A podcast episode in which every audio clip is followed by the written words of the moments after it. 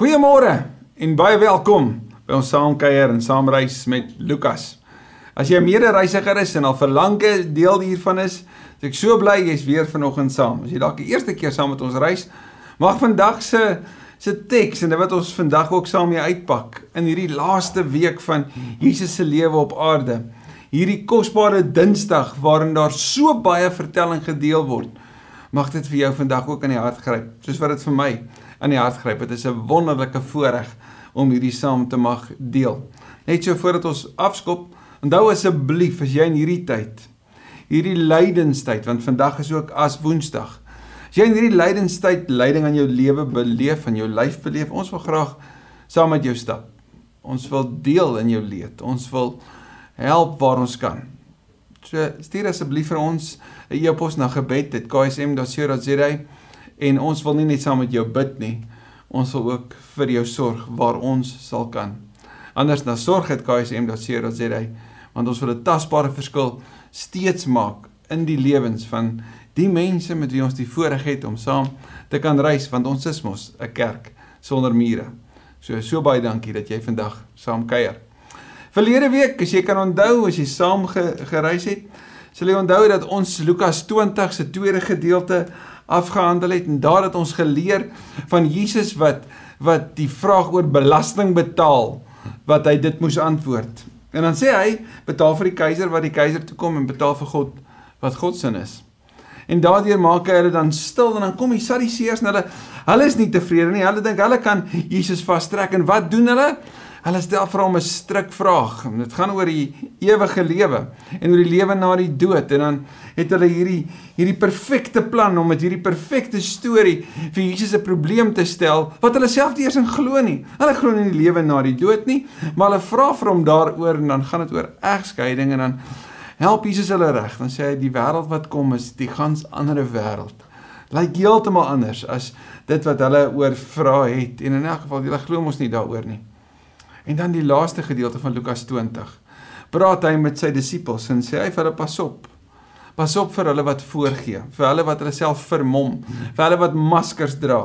Hulle het hierdie hierdie pragtige gewaad van godsdiens, maar dit is alles vir eie gewin.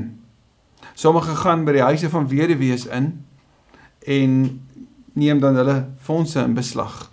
So hulle maak misbruik van mense in nood, mense vir wie die pad klaar swaar is. Pas op vir hulle. So op die rug hiervan wat ons vandag Lukas 21 mee afskop. Kom ons bid. Vader ons wil graag 'n gebed vir u vra vanoggend, vandag, dalk vanaand vir van ons. Dat u asseblief u woord sal oopbreek vir ons, o Heilige Gees, dat u sal praat. Hierdie woord van u is so so ryk en so diep en so aktueel.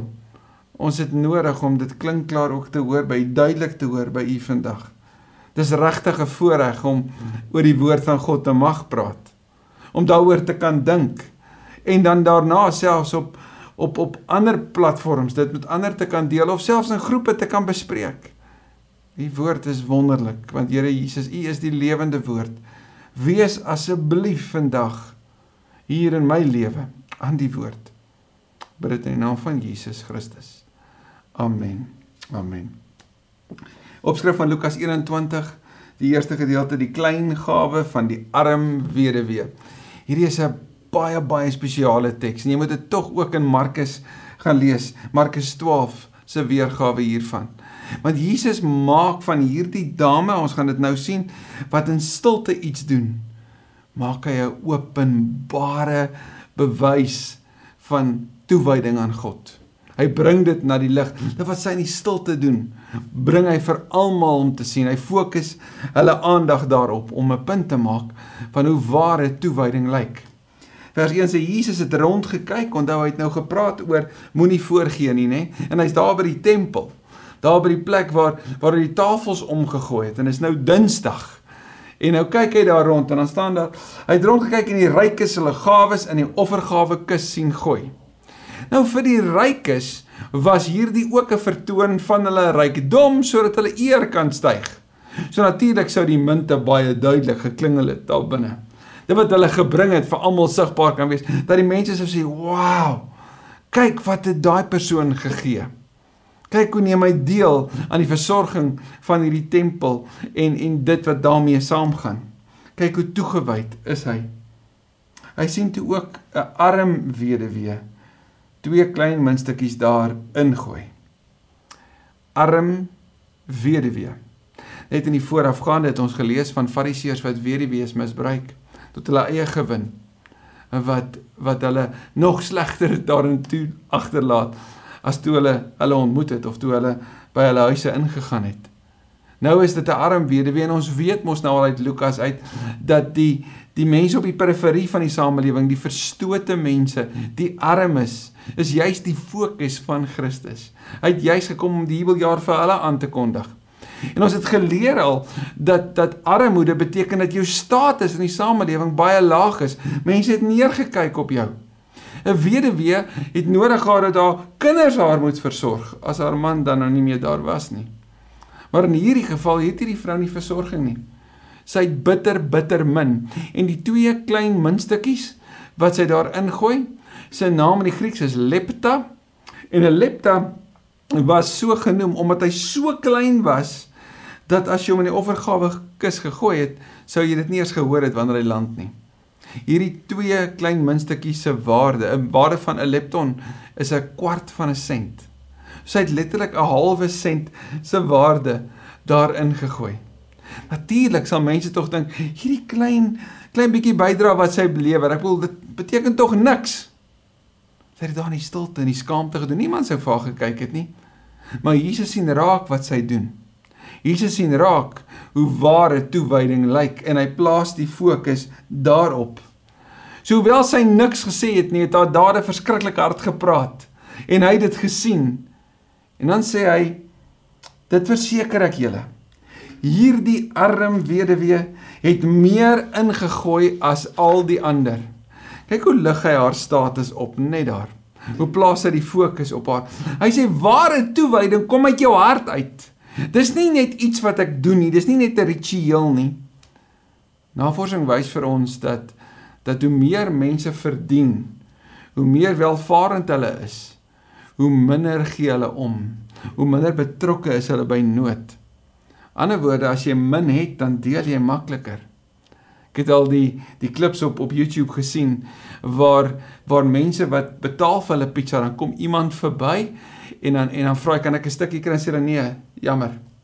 Nou gaan gee hulle 'n pizza vir iemand op straat, iemand wat niks het nie. Dan kom hy selfe persoon verby en sê kan ek 'n stukkie kry? Sê ja, natuurlik, sit hier by my. Hy het niks, maar hy deel dit wat hy het. Hierdie vrou se toewyding aan God is so sigbaar dat sy hierdie klein muntstukkies kom gee. Sy kom doen haar deel. Sy kom gee wat sy het en dit tel. Hoor jy dit?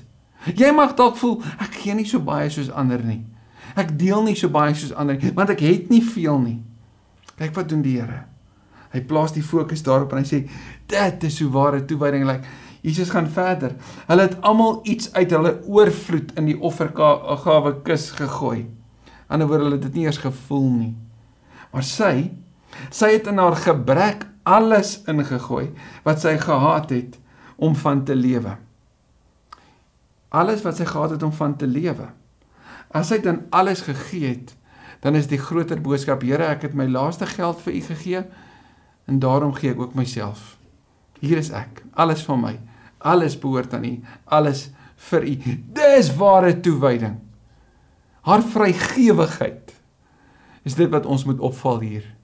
Dat haar toewyding aan die Here sê dat ek hou nie eers vas aan hierdie laaste lepta in my hand nie.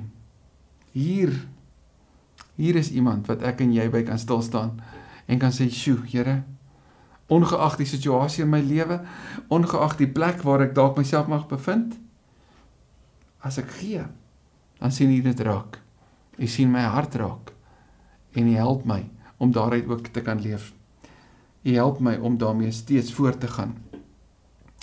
Vers 5: Toe sommige oor die tempel praat, hierdie pragtige tempel, hierdie tempel wat so bekend was in die antieke wêreld was reg oor die wêreld.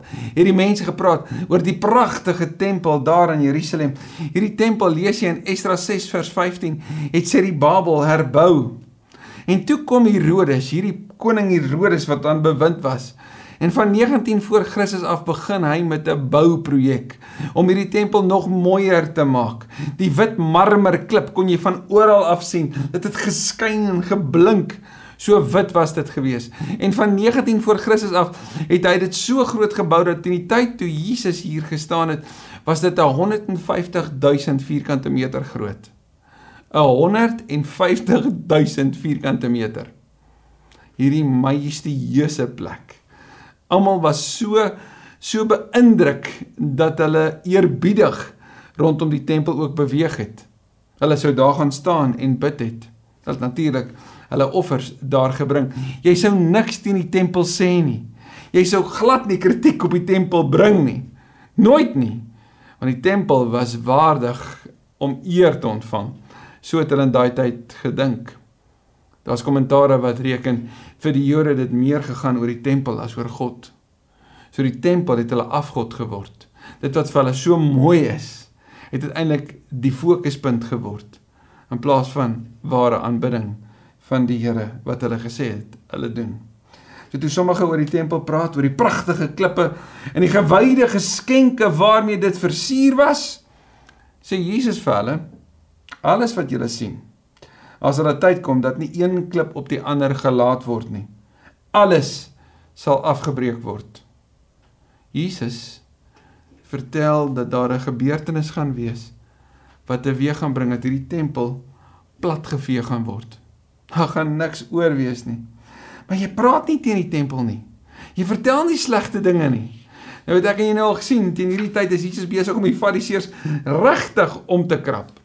Hy spreek die valsheid aan Hy noem hulle presies dit en nou praat hy oor die tempel en hy sê van hierdie tempel wat vir hulle alles is, gaan daar niks oorbly nie. Kan jy jouself indink wat het hierdie mense gedink en wat het hulle gevoel?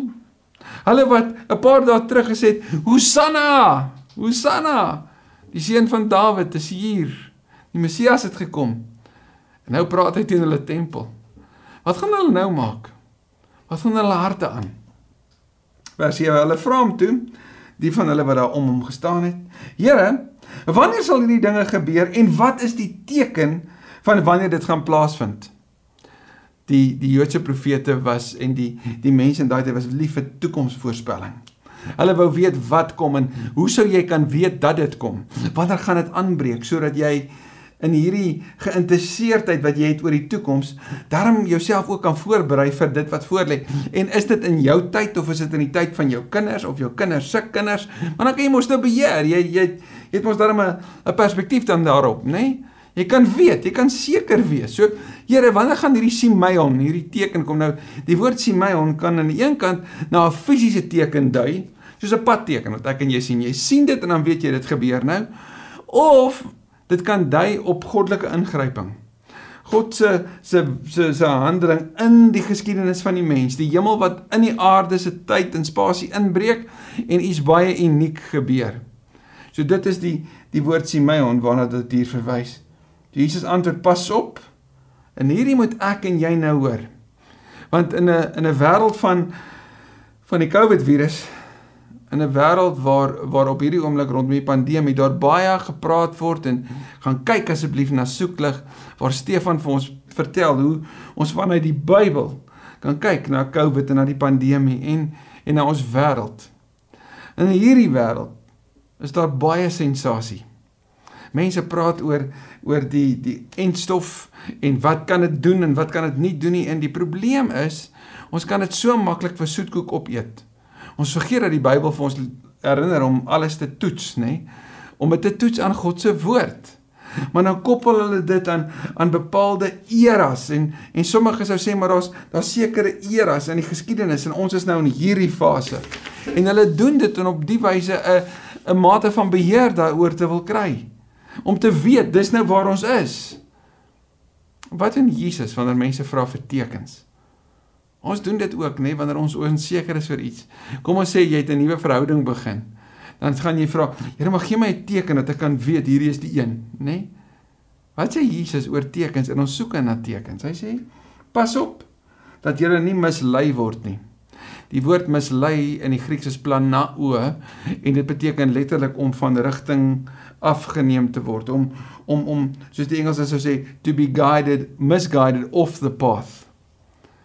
Dit is 'n baie goeie beskrywing van die werk van die donker in ons lewe. Dit mislei ons. Dit neem ons van koers af op die pad wat ons tot hier toe gekom het. Maar sop dat julle nie mislei word nie. Want baie sal onder my naam, onder my naam, ander woorde vals predikers kom en sê dit is ek en die tyd het aangebreek. En wat sê Jesus daaroor? Moenie agter hulle aanloop nie. Dis interessant dat Jesus reg by die aanvang van die kerk, die aanvang van die beweging van die Christendom, reeds sê daar gaan valse leraars in die kerk wees. Hy sê nie dis gaan in die toekoms wees nie. Hy sê nou. Hy sê pas op. So reeds van die begin af was daar mense gewees wat met dwaalleer ander van koers afgebring het. En weet julle wat is een van die groot toetse vir jou en my om te vra wanneer iemand met my praat oor of dit waar is, kyk 'n bietjie mooi. Wanneer dwaalleer aan die werk is, dan bring dit vrees en verwarring na vore. Wanneer die evangelie verkondig word, dan bring dit vrede, vryheid en duidelikheid. Die evangelie is nie gesluier nie, word nie weggesteek nie. Dit is oop en duidelik. Maar die werk van die duisternis bring verwarring en onsekerheid, angs en spanning. Jesus sê pas op. Vers 9: Wanneer jy hoor van oorloë en opstande, hoor nou weer die woord hoor. In vandag se wêreld sou jy kon sê wanneer jy die sosiale media se nuutste update sien of dit nou op Twitter of Facebook is of wat jy dalk YouTube kyk en en en waar ook al. Wanneer jy dit sien daar op Instagram. As jy dit hoor en en hoor van opstande, moenie beangs raak nie, moenie vrees nie. Want hierdie dinge moet eers plaasvind. Maar dit is nog nie onmiddellik die einde nie. Jesus sê hierdie goed gaan gebeur, maar moenie daarop fokus nie. Hy's besig om vir sy disippels iets te vertel van volharding wat in hulle lewe gaan nodig wees te midde van 'n wêreld wat ook fisies onveilig kan raak. Wat fisiese bedreiging vir hulle kan inhou. Verder sê hy vir hulle, die een nasie sal teen die ander te staan kom en die een koninkryk teen die ander. Jesus praat oor die optrede en die keuses van mense. Dis nie een of ander supergeestelike snaakse fluff nie. Dis mense wat teenoor mense optree. En wanneer jy mense sien handel en die gevolge daarvan beleef, moenie dat dit jou soveel vrees gee dat jy onseker is oor God wat naby jou is nie. Moenie dat dit vir jou sê hierdie oorlog het nou gebeur, so dit beteken die einde moet nou hier wees nie. Die laaste dag gaan nou kom nie. Want dit is nie so nie. En Jesus sê dit. So enigiemand anders wat dit dan vir jou sal sê dat dit so is, is besig om te jok. Want Jesus sê dis nie die onmiddellike einde nie. Hy help hulle om nie te fokus op die soek van tekens nie. Want watter oorlog sal dit nou wees? Watter aardbewing sal dit nou wees? Watter tsunami sal dit dan nou wees? En watse pandemie sal dit nou wees? Wat gaan ons nou sê dis nou die een? Want daar was ook ander. Moenie dat dit jou verwar nie. Vers 11 sê daar sal groot aardbewings wees. Hongersnode en epidemies sal op baie plekke voorkom. Hierdie hongersnood het gebeur teen 70 na Christus toe die kerk in Jerusalem so swaar gekry het dat die gemeentes in Macedonië 'n bydrae gelewer het om hulle te help. Hierdie pandemies het gebeur teen 135 na Christus. Sommige reken dit was waterpokkies gewees en ander sê weer nee dit was net pokke. Maar maar hoe dit ook al sê, dit het 'n kwart van daai wêreld uitgewis. En die Christene het toe die pandemie tref het hulle na die mense toe gegaan. Hulle het nie weggehardloop nie. Hulle het gaan aanraak en gaan help. Hulle het tasbare verskil gemaak. Sommige van hulle het self siek geword en gesterf. Maar die lig was daar toe die pandemie op sy ergste was. Want die kerk van die Here was daar en Jesus sê dit gaan voorkom. Hy sê daar gaan skrikwekkende dinge wees en groot tekens van die hemel af. Daar gaan dinge wees wat om jou gebeur wat jou sou kon verwar. Maar moenie daarna kyk nie. Vers 12 maar nog voordat dit alles gebeur, sal hulle julle gevange neem en vervolg en dit gebeur so vroeg as Handelinge 4. So Jesus vertel van hoe die wêreld gaan lyk. En hierdie wêreld klink onveilig. Hierdie wêreld het bedreigings. Dit het bedreigings op die op die vlak van mense wat oorloof voer en hoe jy kan kerk wees daar binne. Dit het bedreigings op die vlak van die natuur en natuurkragte dat aardbewings en dies meer kan gebeur en jy moet daar binne jou geloof hou. En dit het ook die bedreiging dat mense vir julle dit moeilik gaan maak. Mense gaan julle vervolg en in tronke gooi. En dit gebeur al in Handelinge 4. Hulle sal julle oorlewer vir verhoor in die sinagoges en vir opsluiting in gevangenisse. Hulle sal julle voor konings en goewerneurs bring ter wille van my naam. En dink maar net hoe dit met Paulus gebeur het. En dan as jy sou dink hier is die hier is die krisis wat Jesus sê. Hoor net hoor net wat wat vir julle voorlê. Moeilikheid op moeilikheid op moeilikheid. En dan draai dit om en kyk wat doen hy. Hy sê dit sal vir julle 'n geleentheid wees om vir my te getuig. As die moeilikheid kom, het die gelowiges die beste plek om te praat, om te getuig oor die hoop wat in hulle leef. Die storms wat jou en my lewe tref, gee vir ons die grootste mikrofoon, 'n megafoon om uit te jubel. Jesus is hier. Jesus is die Here. Dat ek en jy nie 'n vervaldatum het op ons amp om te getuig nie, op ons funksie, op ons roeping om te getuig nie. Want dis wat jy is, jy's 'n getuie. Jy praat oor Christus. En as die moeilikheid kom en die mense jou vervolg, dan praat jy oor die hoop wat in jou leef. Jy praat oor Christus.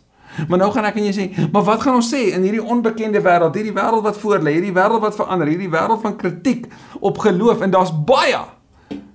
Daar's baie op geloof, baie kritiek. Wat gaan ons doen? Kyk wat sê Jesus. Stel julle dus daarop in om nie vooraf oor julle verdediging te kwel nie. Want sien ek en jy's nie op die aanklagbank nie. Ons word nie beskuldig nie. Dit wat ons oor getuig word aangeval. Dan sê Jesus, moenie bekommerd wees oor wat jy gaan sê nie. Want ek sal vir julle woorde en wysheid gee. Jesus sê ek gaan by jou wees. Soos Jakobus 1 sê, as jy wysheid kort kom, moet jy bid. Ek gaan by jou wees as hierdie goed gebeur. Ek gaan by jou wees as jy moet getuig, as jy moet deel oor my. Ek gaan dit vir jou gee. Wat gaan ek vir jou gee? Ek gaan vir jou woorde en wysheid gee. Wat het ons nodig vandag? Woorde wat lewe bring, wat oor die evangelie praat in 'n wêreld van donker en vrees. Ons het wysheid nodig oor ons besluite, oor die keuses, oor hoe om situasies te hanteer. Die Here sê ek sal dit vir jou gee wat deur geen een van julle teenstanders teengespreek of weerlê kan word nie. Daar is nie 'n wêreldbeeld wat kan staan teen die wêreldbeeld van die Bybel nie. Daar is nie 'n invalshoek wat dit wat hier aan die gang is in ons wêreld kan beskryf en en in 'n manier kan verstaan sonder die wêreldbeeld van die Bybel nie. Die Bybel praat van sonde. Die Bybel praat van die donker. Bybel praat van redding, die Bybel praat van 'n Skepper, die Bybel praat van verlossing, die Bybel praat van 'n toekomstige realiteit, die Bybel praat van ewige hoop, die Bybel praat van 'n verhouding. Dis alles daar. En dis hoekom ek en jy ons koppe kan oplig en vas kan byt. Jesus sê ek gaan dit jou gee. En dit het, het gebeur. Toe hy visserman Petrus moes begin praat, toe preek hy soos 'n masjien. Toe deel hy oor Christus en die mense kom hulle duisende tot bekering en so met elkeen. Dink maar aan Filippus in Ethiopië dan Handelinge 9, Petrus in Handelinge in, in Handelinge 8, 9, 10 wanneer hy praat. Filippus Ethiopië Handelinge 8. Paulus wat op bekering kom, Handelinge 9 en daarvandaan praat. Timoteus wat oor die Here praat, Markus wat oor God skryf. Ek en jy wat kan hoor, ek sal jou gee en hy so getrou. Julle sal selfs deur julle ouers en broers, familie en vriende verraai word en hulle sal party van julle doodmaak. Die evangelie word nie soetkoek in vir 'n vir 'n stroopie verkoop nie. Nie so soetkoek net aangegee nie. Die evangelie sê van julle kan sterf. Van julle gaan hoor dat ek sê nee as jy vra dat ek jou daarvan sal verlos. Van julle gaan julle lewensmaats verloor. Julle kinders verloor. Dis wat voor lê. sien jy kans om my te volg. In Hebreërs 11 lees ons van dit. Ons lees van hierdie hierdie lys van wat ons sal noem geloofshelde. Maar daar aan die einde van Hebreërs 11 is daar hierdie hierdie tekste, hierdie mense na wie toe verwys word wat sê van hulle het gesterf sonder om die beloftes te beleef in hulle eie lewe. So van hulle het vol toewyding soos hy weduwee met die lepta het vol toewyding gesterf sonder om die vreugde van van herstel te sien. Maar het vasgebyt en hulle het volhard. Jesus sê en julle sal ter wille van my naam deur almal gehaat word. Die woord almal daar verwys natuurlik na die Joodse familie in die direkte konteks, die Joodse gemeenskap. Maar hoor nou hierdie woorde. Daar sal selfs nie eens 'n haar van julle kop afval nie. Nou as ek en jy dit lees en ons vat byvoorbeeld soos die duiwel self ook Psalm 91 uit konteks uit aanhaal en ons vat Psalm 91 ons sit dit bymekaar dan kan jy sien hoekom sommige mense vashou aan maar ek het reg gebid en reg gespreek en ek het hier dan vasgehou ek het op hierdie woorde gestaan en toe se kan 'n ongeluk hoe's dit gebeur Ek het dan die regte goed gedoen en toe tref moeilikheid my. En dan val hulle geloof uitmekaar uit. Want hulle het nie 'n 'n 'n dieper basis wat kom sê maar God is in leiding juis aan die werk nie. In leiding is daar vir jou geleentheid om te getuig nie. So waaroor gaan hierdie teks? Gaan natuurlik oor ons ewige bestemming. Niks kan ons uit sy hand uitdruk nie, sê Johannes 10. Soos die Here sê, nie as 'n haar van jou kop gaan afval nie, dan praat hy van jou ewige menswees. Hy sê niks. Hierdie hierdie bedreigings, hierdie vervolging, hierdie seer wat jou lewe kan tref omdat jy aan my toegewy is, niks van dit kan jou ewige bestemming, jou ewige tuiste by my beïnvloed nie. Dis vas. En jy kan daarom weet ek is by jou en ek weet selfs van die haar op jou kop. En dan eindig Jesus en dis belangrik vir jou en my. Deur julle volharding moet julle julleself red. Is dit my redding, my volharding wat my red? Dis nie waaroor dit hier gaan nie. Deur vas te byt. Want sien, redding kom van God af. Dis 'n geskenk vir jou en my. Maar ek het 'n verantwoordelikheid wat ek nie kan abdikeer nie. Ek kan dit nie weggee nie. Ek moet my resies voltooi. Paulus sê in Filippense 3: Ek wil dit alles myne maak omdat Jesus my reeds syne gemaak het. Aan die woorde ek moet by die wenstreep kom.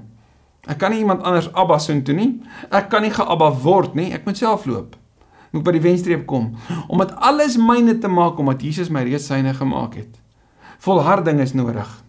As ek en jy Openbaring 2 en 3 gaan lees, gaan ons sien hoe gemeentes gesukkel het in in 'n wêreld van voorspoed, van welvaart, van afgodsdiens, van vervolging, van neerkyk. En hoe die Here die heeltyd vir hulle sê, wie ore het moet hoor. Jy moet luister na wat die Here vir jou sê Hier het jy volharding nodig. So, as moeilikheid in jou lewe gebeur, dis lydenstyd en is dalk vir jou swaar, hou vas hieraan dat die Here sê jy het volharding nodig. Hou jou oog op my. Moeilikheid kan gebeur. Dit dit is so. Maar moenie dat wanneer dit gebeur, moenie van koers afgaan nie. Moenie mislei word nie. Moenie vashou aan goedkoop boodskapies nie. Hou vas aan die ware evangelie, die volle evangelie, die evangelie van Christus. So dankie dat jy saam gekyk het. Ek hoop dit kan iets vir jou op jou reis ook beteken. Kom ons bid. Here, dankie dat hierdie waarheid is, dat hierdie weg is en dat hierdie lewe is. Dat U vir ons 'n 'n vaste koers baan. Dat U ons lei en dat U ons leer, dat U ons vorm en dat U ons bemoedig. Dankie dat ek vandag kan weet dat as ek bely dat Jesus die Here is, as ek glo dat hy opgestaan het, het ek 'n plek in die hemel, 'n veilige plek waarna toe ek ryk halsin kan uitsien. En terwyl ek op lydenstyd en in lydenstyd op hierdie pad stap, die pad van die kruis, is daar altyd die hoop van Sondag. Ek bid dit in Jesus se naam. Amen en amen. Mooi dag vir jou verder.